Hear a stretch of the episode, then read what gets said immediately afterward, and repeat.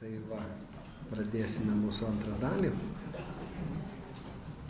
Ir aš uh, taip pasvėriau ir nusprendžiau, kad eisim tiesiai prie Jonos pranašystės ir knygos, o apibendrinimą uh, um, paliksime kitam kartui. Tai padės mums ir prisiminti, ką šiandien mes kalbame. Ir iš tiesų, uh, na, jungsis su sekančia dalimi. Tai va, o Jonos knyga yra tikrai verta dėmesio dėl kelių priežasčių. Ir, na, pirmoji tai, kad jinai cituojama net tris kartus Naujajame testamente ir cituoja pats Jėzus. Jisai prisimena Joną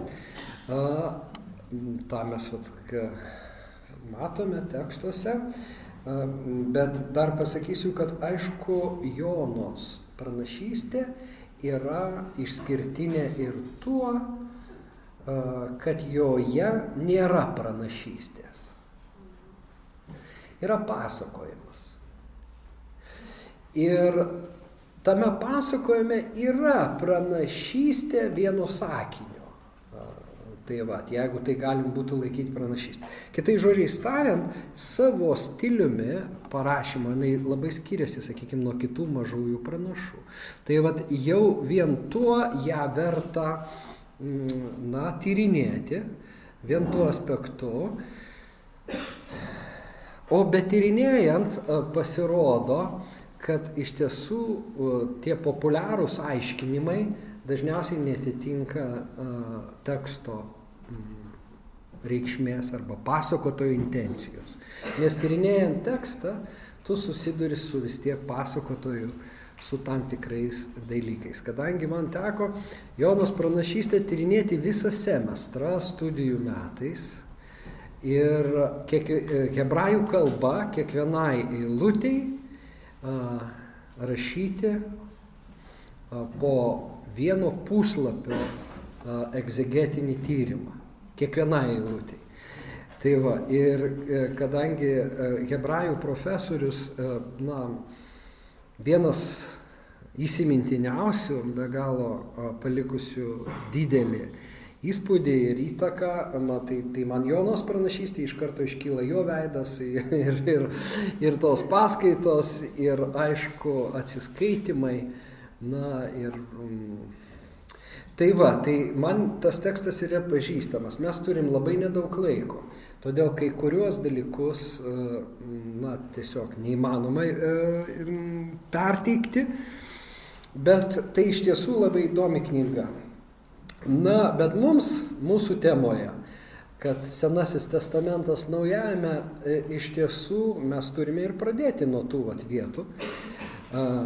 Mato Evangelijoje net du kartus Jėzus prisimena pranašą Joną ir sako, kaip Jonai išbuvo tris dienas ir tris naktis jūrų pabaisos pilve, taip ir žmogaus sunus išbus tris dienas ir tris naktis žemės širdyje. Na, vargu ar vien trys dienos yra ta sąsaja tarp jo Jonos ir Jėzaus, arba kodėl Jėzus jį prisimena. Taip, tas trys dienos yra į jo kančią nuorodą, į jo mirtį ir prisikėlimą, bet be abejo esama daugiau, kaip mes pamatysime. Pikta ir neištikima giminė reikalauja ženklo, tačiau jai nebus duota kitokio ženklo, kaip tik Jonos ženklas. Ir palikęs juos nuo šalin, va tokioj vietoj staiga yra, e, na, įvardinamas ne tik tai, kad jo pranašas Jona, kaip pirmuo atveju, bet iš viso Jona kaip ženklas. Tai va pabandysime išsiaiškinti Jono, Jonos ženklo reikšmę Ir tada jisai palygina tavat savo klausytojus su Jonos klausytojais, tai yra Ninevės miesto gyventojais. Ir sako, yra labai didelis kontrastas tarp Ninevės gyventojų ir jūsų, nes jie atgailavo išgirdę Jonos pamokslus, o jūs ne. O čia daugiau nei Jona. Tai um,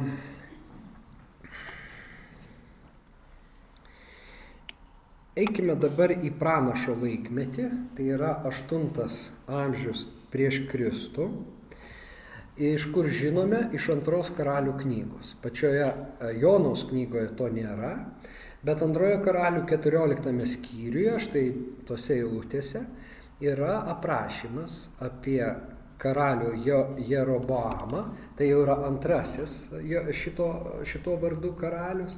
Pirmasis uh, gal prisimenate, na, buvo po Saliamono, Roboamo ir Jerobamo konfliktas tarp tų dviejų. Bet čia yra jau antrasis Jerobamas, jo valdymo metais yra minimas pranašas Jona,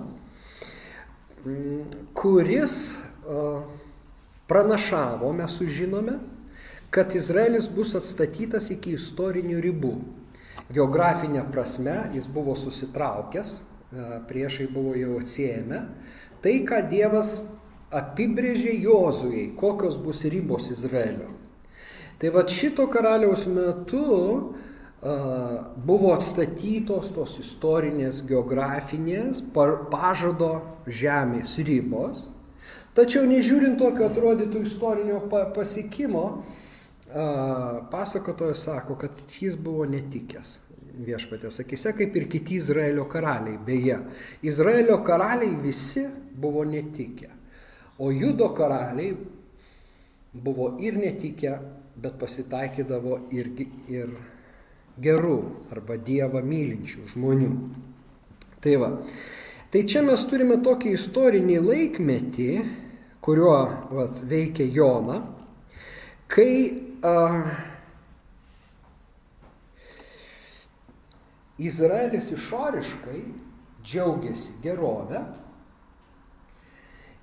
ir na, gali didžiuotis vėlgi išsiplėtusią teritoriją ir kad jis tikrai na, džiaugiasi gerovę, sužinome iš pranašo Amoso, vad tuo metu pranašavusio Taip pat ir va, tos citatos kelios, jų yra daugiau, galite skaityti Amoso knygą ir jūs pamatysite.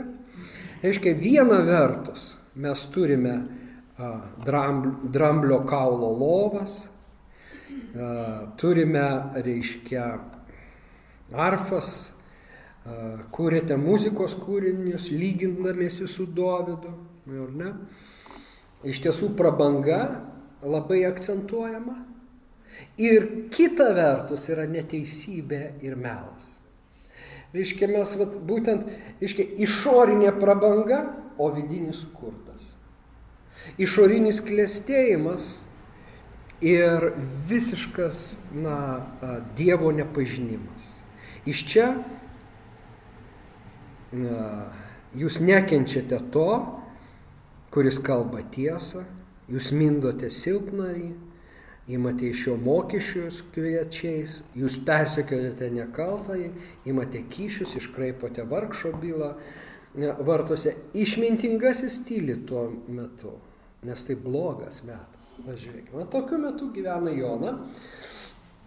Taigi, na, šiandien Lietuvoje kalbama labai daug jau iš viso beveik prigijo. Anksčiau to nebuvo, buvo tiesiog valstybė, dabar jau gerovės valstybė kokia ta gerovės valstybė, tai va čia mums tai padeda suvokti, kad nu, gerovės valstybė kaip siekinys yra tuščias. Nes, nes gerovės valstybė neužpildo vidaus, jinai gali pasotinti kūną ir padaryti meškos paslaugą netgi. Žmonės išlempa ir, ir, ir praranda dvasinį troškulį, tiesos troškulį ir priešingai pradeda viešpatauti korupciją ir taip toliau. Aišku, jinai viešpatauja kitomis sąlygomis. Bet galim pasakyti, tai be vidinio atsakymo ta išorinė gerovė yra iliuzinė. Iš tiesų žmogus nu, negyvena gerovė. Tai a, vėlgi tiesiog toks pastebėjimas, bet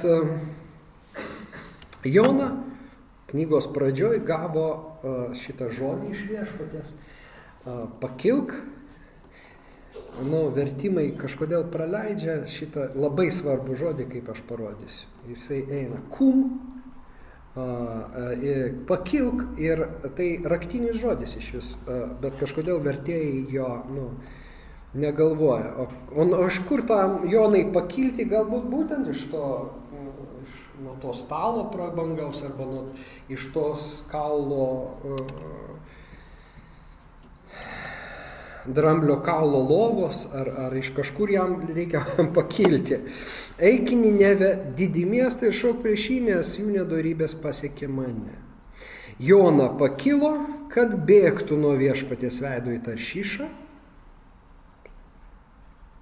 Du kartus, atsiprašau. Jis pasiekė Jopę, kur rado laivą plaukiantį į Taršyšą, sumokėjo už kelionę ir įsėdęs į jį su kitais plaukė į Taršyšą nuo viešpaties akivaizdos. Taigi Jonai yra neįlinis pranašas. Pranašai paprastai paklūsta savo šeimininkui ir, ir, ir gerbė jo valią. Jona a, ne toks pranašas. Ir tai intriga visai knygai. O koks, kodėl jisai, koks jis pranašas, kodėl jis bėga nuo viešpaties veido. A, tai yra, vat, rūpčio dar artumą įsiveda, bur, burbulis nukirpęs tą iš viso, nes jis turėjo tendenciją taip trumpinti. Uh, tai, uh, reiškia, tas iš viso išnyksta, bet hebrajiškai tai yra veidas. Nu, vėlgi, ka, kai mes žinom psalmės, pavyzdžiui, tavo veido ieškosiu viešpatė, tai tas veidas čia labai gražiai galėtų ver, vertime atsirasti.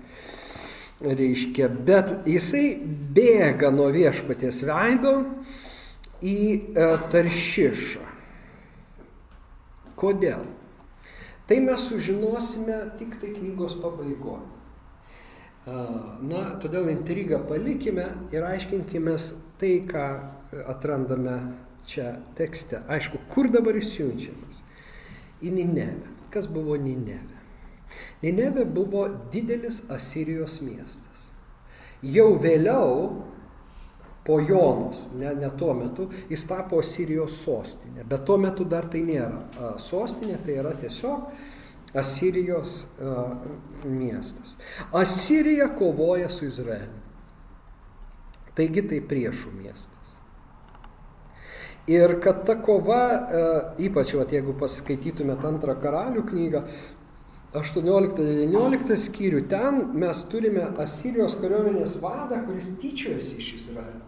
Ta prasme, kad jisai sukelia tikrai pasipiktinimą, ypač šventiems žmonėms, nes jis sako, na, skaitykit patys, ne, ne, ne, ne, šiuo atveju netiek svarbu, svarbu tai, kad Ninevė yra priešiška valstybė Izraeliui ir, na, pakankamai mm, istoriškai įtvirtinta, kad tikrai norėjo nu, nu, pavergti, padaryti savo vergais reiškia, štai a, būtent ten Dievas nori pasiūsti savo pranašą. Pas priešus. Dabar pranašas, na, galim, taip pat, jeigu mes tiek žinom, manyt, nu, kad kur kur aš eisiu, bet pas priešus niekada. O Dievas sako, eik ten ir ten. O tas ten ir ten yra tai, ko tu nemėgsti labai eik pas tuos, kurių tu labai nemėgsti. Bet dažniausiai, žinokit, taip ir būna, kai su Dievu reika, mes reikalų turime. Mm. Aš krikščionimi tapau, kai man buvo 20 metų. Būdamas 20, aš buvau toks jau apsiskaitęs jaunuolis, na, svajojęs tapti režisieriumi ir, ir, ir, ir na, teatro žmogus. Nes mama mane na, vesdavosi į teatrą, aš jaunimo teatro repertuarą atmintinai žinojau, spektaklius po keletą kartų matęs.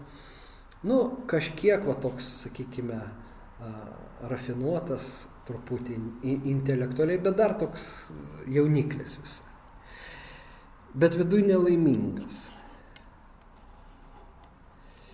Ir kai aš šaukiausi Dievo visiškoj kriziai, jis atsiliepė ir po kurio laiko mat, mane aplankė vienas bičiulis, kuris norėjo tapti kunigu, niekada jo netapo, bet uh, jis atsivedė draugą, kuri, kuriame aš išvydau uh, šventą žmogų. Gal aš esu pasakojęs per Paulių, man atrodo, o gal ne jums, gal kitur.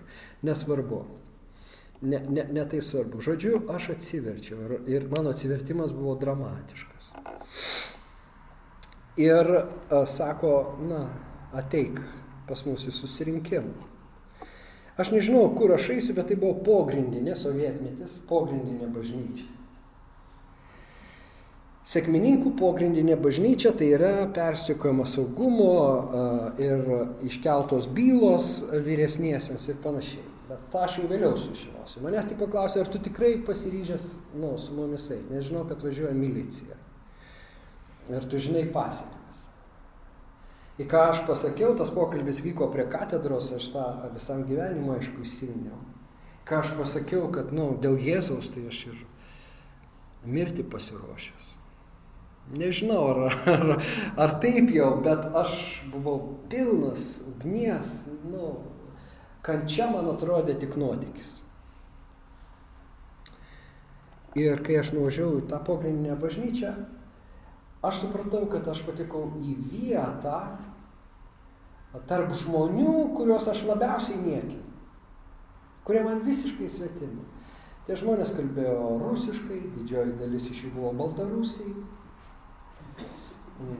Iš rankų aš mačiau, kad jie dirba fabrikuose, gamyklose, nu ir jų kalba tai liūdėjo taip pat.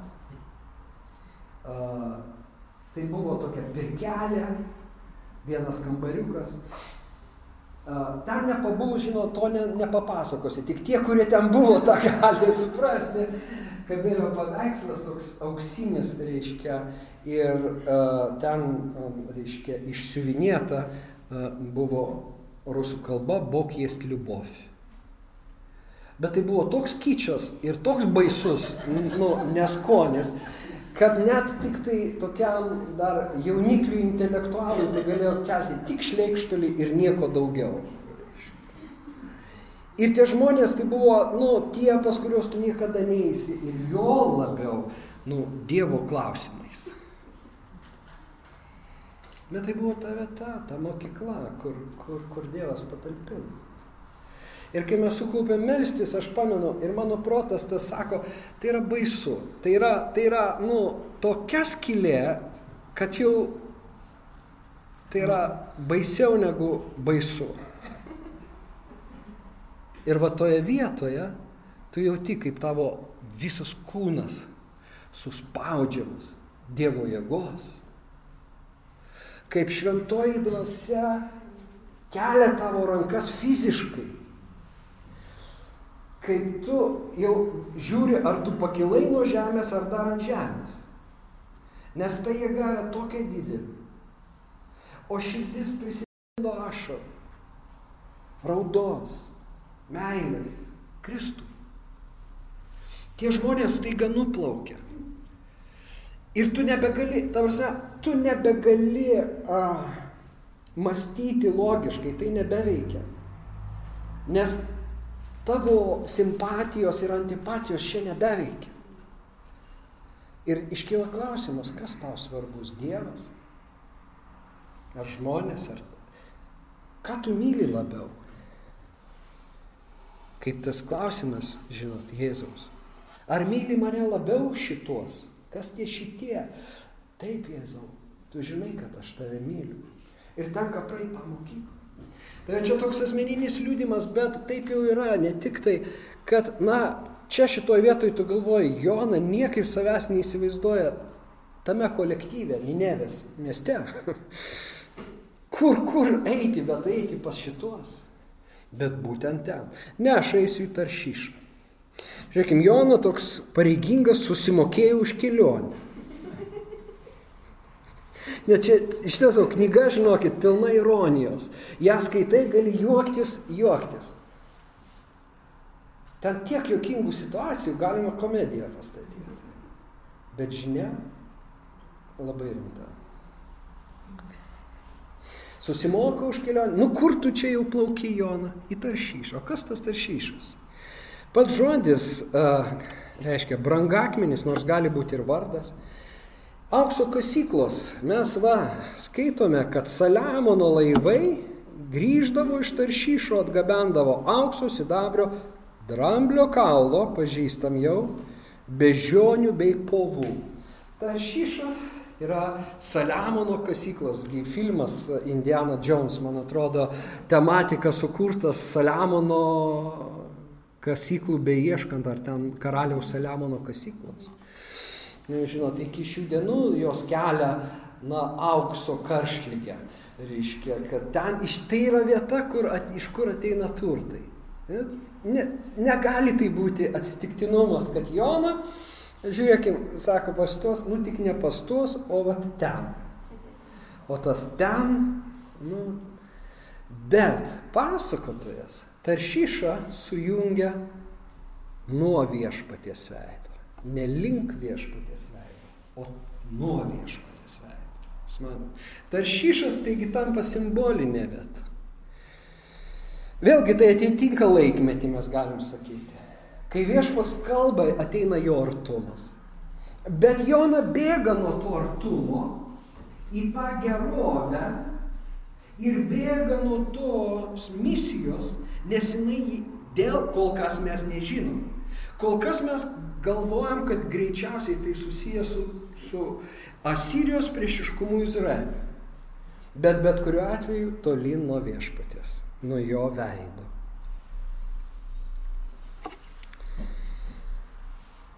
Skaitome toliau. Bet viešpas užleido šėlsantį vėją. Žodžiu, nuo Dievo netaip lengva pabėgti. Neseniai buvau susitikime klasės. 35 metai, kaip aš baigiau vidurinę mokyklą. Ir tai buvo įdomu matyti tos klasiokus. Nuo to laiko nesu matęs, išskyrus kelis. Susėdom tiek, nu, nemažai tų žmonių.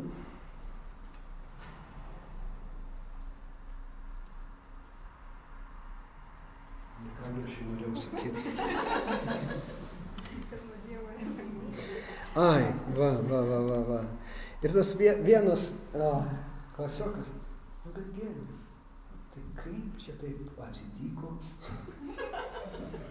nu, kaip tu to krikščionim tapai? Nu, taigi mokykloje nieko bendro. Nu, bet iš tiesų taip ir buvo. Kaipgi?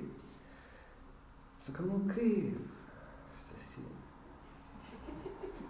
Nu nelengva nuo Dievo pabėgti. Nepabėgsi tu nuo jo, kai jau pričiumpa, tai jau viskas. Na, taip, žiūrėjau, tiko tas atsakymas. Jie pamatė, kad čia tas pats gėdrius, tas pats gėdrius, reiškia. A, nu, iš tiesų, taip ir yra. Ne tai, kad aš ten baisiai, vad Dievas, jis tave atranda. Ir kur nuo tavo veido pabėgsi viešpa? Užžengčiau į dangų, tu ten, nusileičiau į pragarą ir tu ten, sako Dovydas. Tai vad Jonas laukia šitas patyrimas. Jis bėga į tą šyšą, bet jis atsidurs pragare, žuvies pilve. Oh. Ir čia mes matome, Dievas siunčia vėją. Jonos knygoje Dievas valdo stichijas. Jis pasiunčia vėją, po to jis pasiunčia žuvį, Po to jisai liepia augalų išaukti, po to jis pasiunčia kirminą, kad tas suvalgytų, suėstų tą augalą. Po to jis vėl pasiunčia vėją, kuris degina Joną ir Joną niršta. Žodžiu, mes matome stichijų dievą. Ir, na, kaipgi dabar tu ten jį apstatysi, jeigu jis pasakė, eik į Ninevę, matomai tai jau viskas, reiškia, tu eisi ten geruoju ar ne, bet teks nueiti. Taip su Jona galiausiai ir įvyksta, žinokit.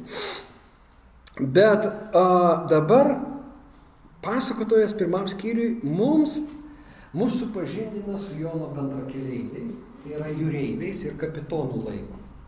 Labai įdomu. Išgastis apėmė jūrėjus ir kiekvienas šaukėsi savo Dievo. Norėdami palengvinti laivą, jie išmetė į jūrą laive buvusi krovinį. Tuo tarpu Jona, nusileidęs į laivo triumą, gulėjo giliai įmygęs. Kapitonas tarė, kelkis, šaukis Dievo ir vėl tas, kum, kelkis. Pradžiui Dievas sako, kelkis, po to kapitonas sako, kelkis Jona. Jona vis guli. Jam jį vis nori pakelt, pažadinti. Dabar, ar Jona yra tikėjimo žmogus, kuriam audros nebaisios, kiti tegul meldžiasi, aš vis tiek žinau, kad viskas geroji baigsis. Na, maždaug kaip Jėzus miega valtyje. Žinot, ir mokiniai, tau nerūpi, kad mes kestam. Ar Jona toks? A, nu, jis keistas. Nes mirtys nebijo iš tiesų, kaip paaiškės. Bet čia kontrastas dabar yra toks, kad visi šaukėsi Dievo, o Jona ne. Šiaip pranašas turėtų šauktis, bet uh, jis ne. Tada jie pradeda mesti burtus, dėl ko kilo audra, nes tuo metu žmonės galvoja taip, nelaimė turi, yra pasiekmė, yra priežastis. Kodėl Dievas nori mus paskandinti? Kažkas čia ne taip. Pradeda aiškintis, kuris iš mūsų čia su kuriuo iš mūsų netaip burtas krenta Jonai. Kapitonas sako, dėk viską, pasako, kas tu. Jonas sako, aš hebrajas. Pirmą, ką jis pasakė. Aš žydas. Ir garbinu Dievą dangaus, sausumos, jūros ir visako sutvėrėje. Reiškia, mes, kai jau Jona prabyla, jis prabyla išdidžiai.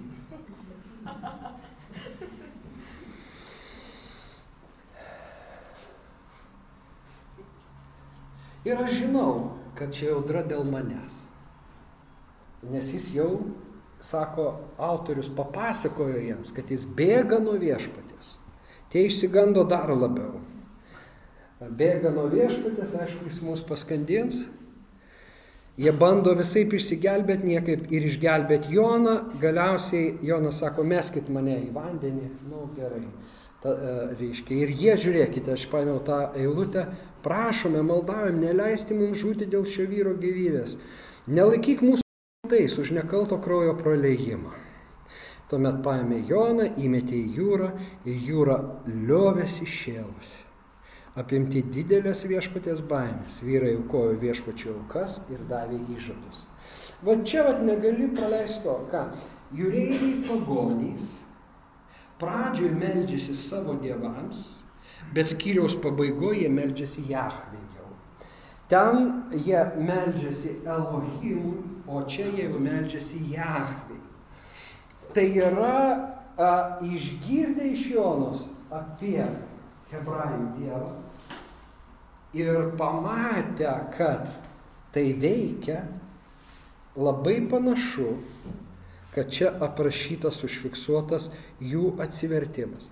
Tas atsivertimas arba atsigrėžimas į Jahvę yra kaip preliudija, kaip užuomina į visos Ninevės atsivertimą, kuris įvyks truputį vėliau, trečiame skyriuje. Bet bet kuriuo atveju pagonys šioje situacijoje, na, va taip va, uh,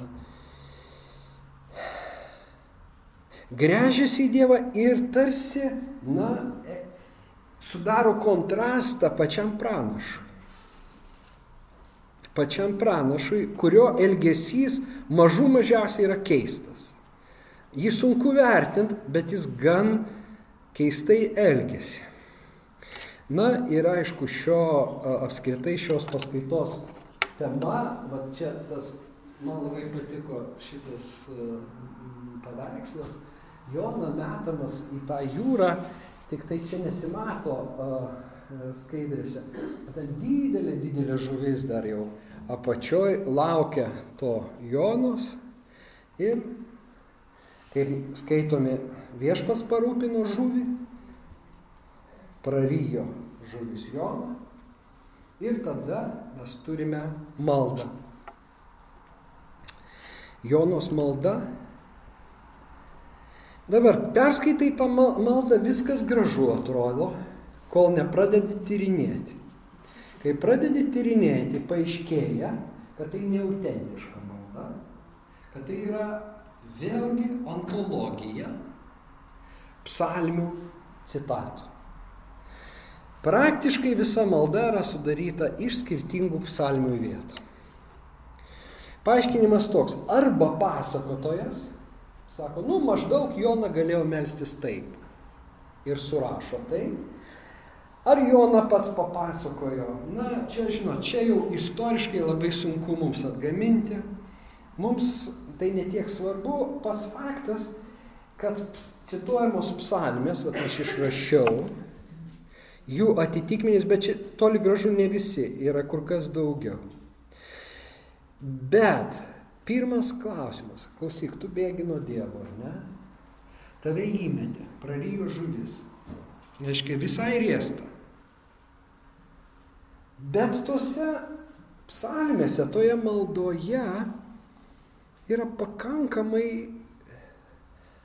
savimi pasitikinčio žmogaus žodžiai. O kai jau kalba užeina apie kitokius, yra vienareikšmis požiūris. Žiūrėkite, tušius stabus garbinantieji atsisako savo gailestingumo šaltinio, o aš padėkos giesmę tau aukosiu, duotą įžadą įvykdysiu. Ir tu galvoji, įžada? Tau pasakė eiti ten, tu bėgai į priešingą pusę. O prie ko čia dabar stabus garbinantieji? Tie jūreiviai ką tik norėjo tavo kailį išgelbėti. Jie įrėsi, jie stengiasi išsiirti, bet vėjas jūs blokždavo atgal ir tada jie jau sako, dėja tik nenubausk, jį išmesim. Jie už tave, o tu tušių stabus garbinantieji. Ir psalmė sako, aš neapkenčiu niekingų stabų garbintojų, bet pasitikiu viešpačiu. Ar čia yra ta vieta tai, tai maldai? Ar neadekvačiau būtų toje vietoje melstis? Tau viešpatė nusidėjau, sulaužiau tavo žodį, nekreipiau dėmesio į tavo ir mane ištiko. Yra tokių psalmių. Arba tą pačią Dovido, ką sakiau, kad ar ten nužengiu, ar ten tu manęs nepalieki, apvalyk mano širdį ir taip toliau. Reiškia, jeigu tai psalmės, kodėl šitos? ir kodėl tie kiti. Bet vėlgi pasakotojas, aišku, neatsitiktinai tai įdeda. Ar ne? Jis tarsi, na, mes pradedam pažinti daugiau Joną. Kas tai per pranašas? Kad, vat, jo santykis, ar ne? Aš hebrajas, tuščius tarbus garbinantieji, te pražūsta, arba, na, nu, jie neįvertina gailestingojo Dievo. Va tiek mes, uh, reiškia, matom. Kaip Dievas atsako į šitą maldą. Hebrajiškas tekstas sako. Ir žuvis išvėmė Joną į sausą. Toks. Nu, viena vertus išgelbėjimas, bet tokių išvėmimo būdų. Bet taip yra. Ir tada jau viešpas kalba antrą kartą, eik. Iški vėl tie patys žodžiai, eik, na ir Jona nueina į Ninevę. Dabar Ninevė didelis miestas, bet įdomu, kad, reiškia, vertimai sako labai didelis miestas. O hebrajiškai yra ir geloda uh, lel, lelohim. Ir geloda lelohim. Didelis miestas Dievui. Na ir, reiškia, vertėjai vadovaujasi prielaida, kad Dievui tas yra tiesiog, sprendžia tai gramatiškai, kad tai yra superlatyvas, tai yra aukščiausias laipsnis ir verčia labai didelis miestas, o žodis Elohim arba Dievui Lelohim paskutinis tiesiog pranyksta. Bet kadangi nu, žodis per daug skambus, kad jis pranyktų, visai teisėtas vertimas būtų. Ninevė buvo labai didelis miestas arba labai didingas miestas Dievui. Dievui. Ta prasme, ir kaip mes tokį sakinį suprastume, Dievui rūpėjo Dievui labai rūpėjo tas miestas ir kiekvienas gyventojas ir net gyvulys tame mieste Dievui rūpėjo, nes tai pasako paskutinė knygos eilutė. Ar aš neturėčiau gailėtis Ninevės to didžiojo miesto, kuriame yra daugiau nei 120 tūkstančių žmonių, nemokančių atskirti kairės nuo dešinės ir daug galvijų. Jona, tu eini į miestą, kuriame žmonės neskiria kairės nuo dešinės, jie paklydę, jie a, naivus, jie neturi pažinimų. O aš jų gailiuosi, šitas miestas man brangus. Vat tas didis miestas nebūtinai labai didis, nes vėlgi, tris dienas reikia apeiti, tokių miestų nebūdavo tuo metu. Tokio dydžio, tos trys dienos vėl yra hebrajiškas tam tikras, na, reiškia, didelis miestas, tikrai didelis miestas. Jona nuėjo tik vienos dienos kelią, jisai, jis nenuėjo, reiškia, pakankamai toli. Na ir jis paskelbė teismą. Vis paskelbė teismą, 40 dienų šito miesto neliks. Ir staiga visi patikė, nuo mažiausio iki didžiausio. Ninevė žmonės patikėjo Dievu, paskelbė pas. Ir visi dideli bei maži apsivilko šutinėmis, kai žinia pasiekė Ninevės karalių, jis kum pakilo nuo sosto. Dievas Jonai sako, pakilk. Jona labai nenoriai kyla. O čia pagonių karalius staiga ima ir pakyla iš karto nuo sosto, sėdosi į pelenus apsivilko šutinę, tai atgailos simboliai. Ir išleido įsakymą. Iš tiesų, nu, kas žino, gal Dievas pasigailės ir atleis, gal sulaikys savo de, degantį įnašį ir mes nežūsim. Iš tiesų, karaliaus kalba primena pranašų raginimus. Ir aš paėmiau vat vieną Joelio, bet tai ne vieną Joelio kai sako, pavyzdžiui, kas žino, ar jis vėl neteis ir nepaliks palaiminimo javų atnašų. Ir todėl ką reikia daryti? Grįžti pas Dievą, pasninkų, verksmų, raudojimų.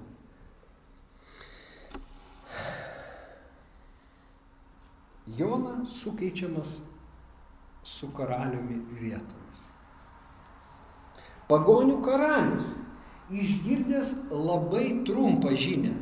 Jonos pamokslas yra vienas sakinys. Karaliaus įsakymas yra keli sakiniai. Jis yra detalesnis ir jis skamba kaip pranašo. Jeigu hebrajas skaitė, reiškia, kuriam pažįstami pranašai, kitos pranašų knygos, jis turėjo sakyti, palaukit, šitas e, karalius skamba kaip pranašas, o šitas pranašas skamba kaip neaišku kas. Ta prasme, kad, na, jis netitinka tų pranašo standartų, kurių tu tikėtumės iš pranašo. Na ir vėl čia mes prisimenam tuos mūsų minėtus magus, ar ne, pagonių pranašus, ir žydų karalių Erodą. Erodas vienintelis buvo iš romėnų išsikovojęs šitą titulą, karaliaus titulą. Todėl išgirdęs apie gimusi karalių jis taip įsigando. Vieninteliam Erodui tai pavyko. Šiaip jie neturėjo karaliaus, bet Erodas turė, buvo karaliumi.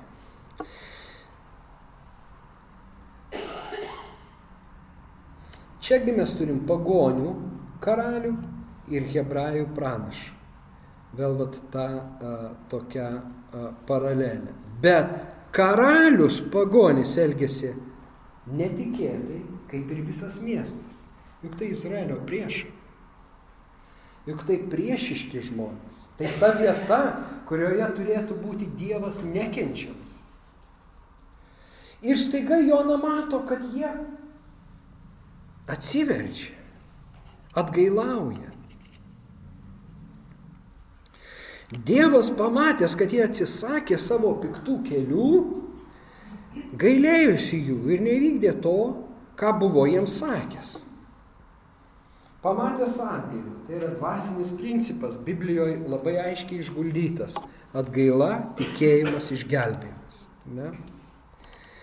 Jie atgailauja, tiki ir jie bus išgelbėti. Miestas nebus sugriautas.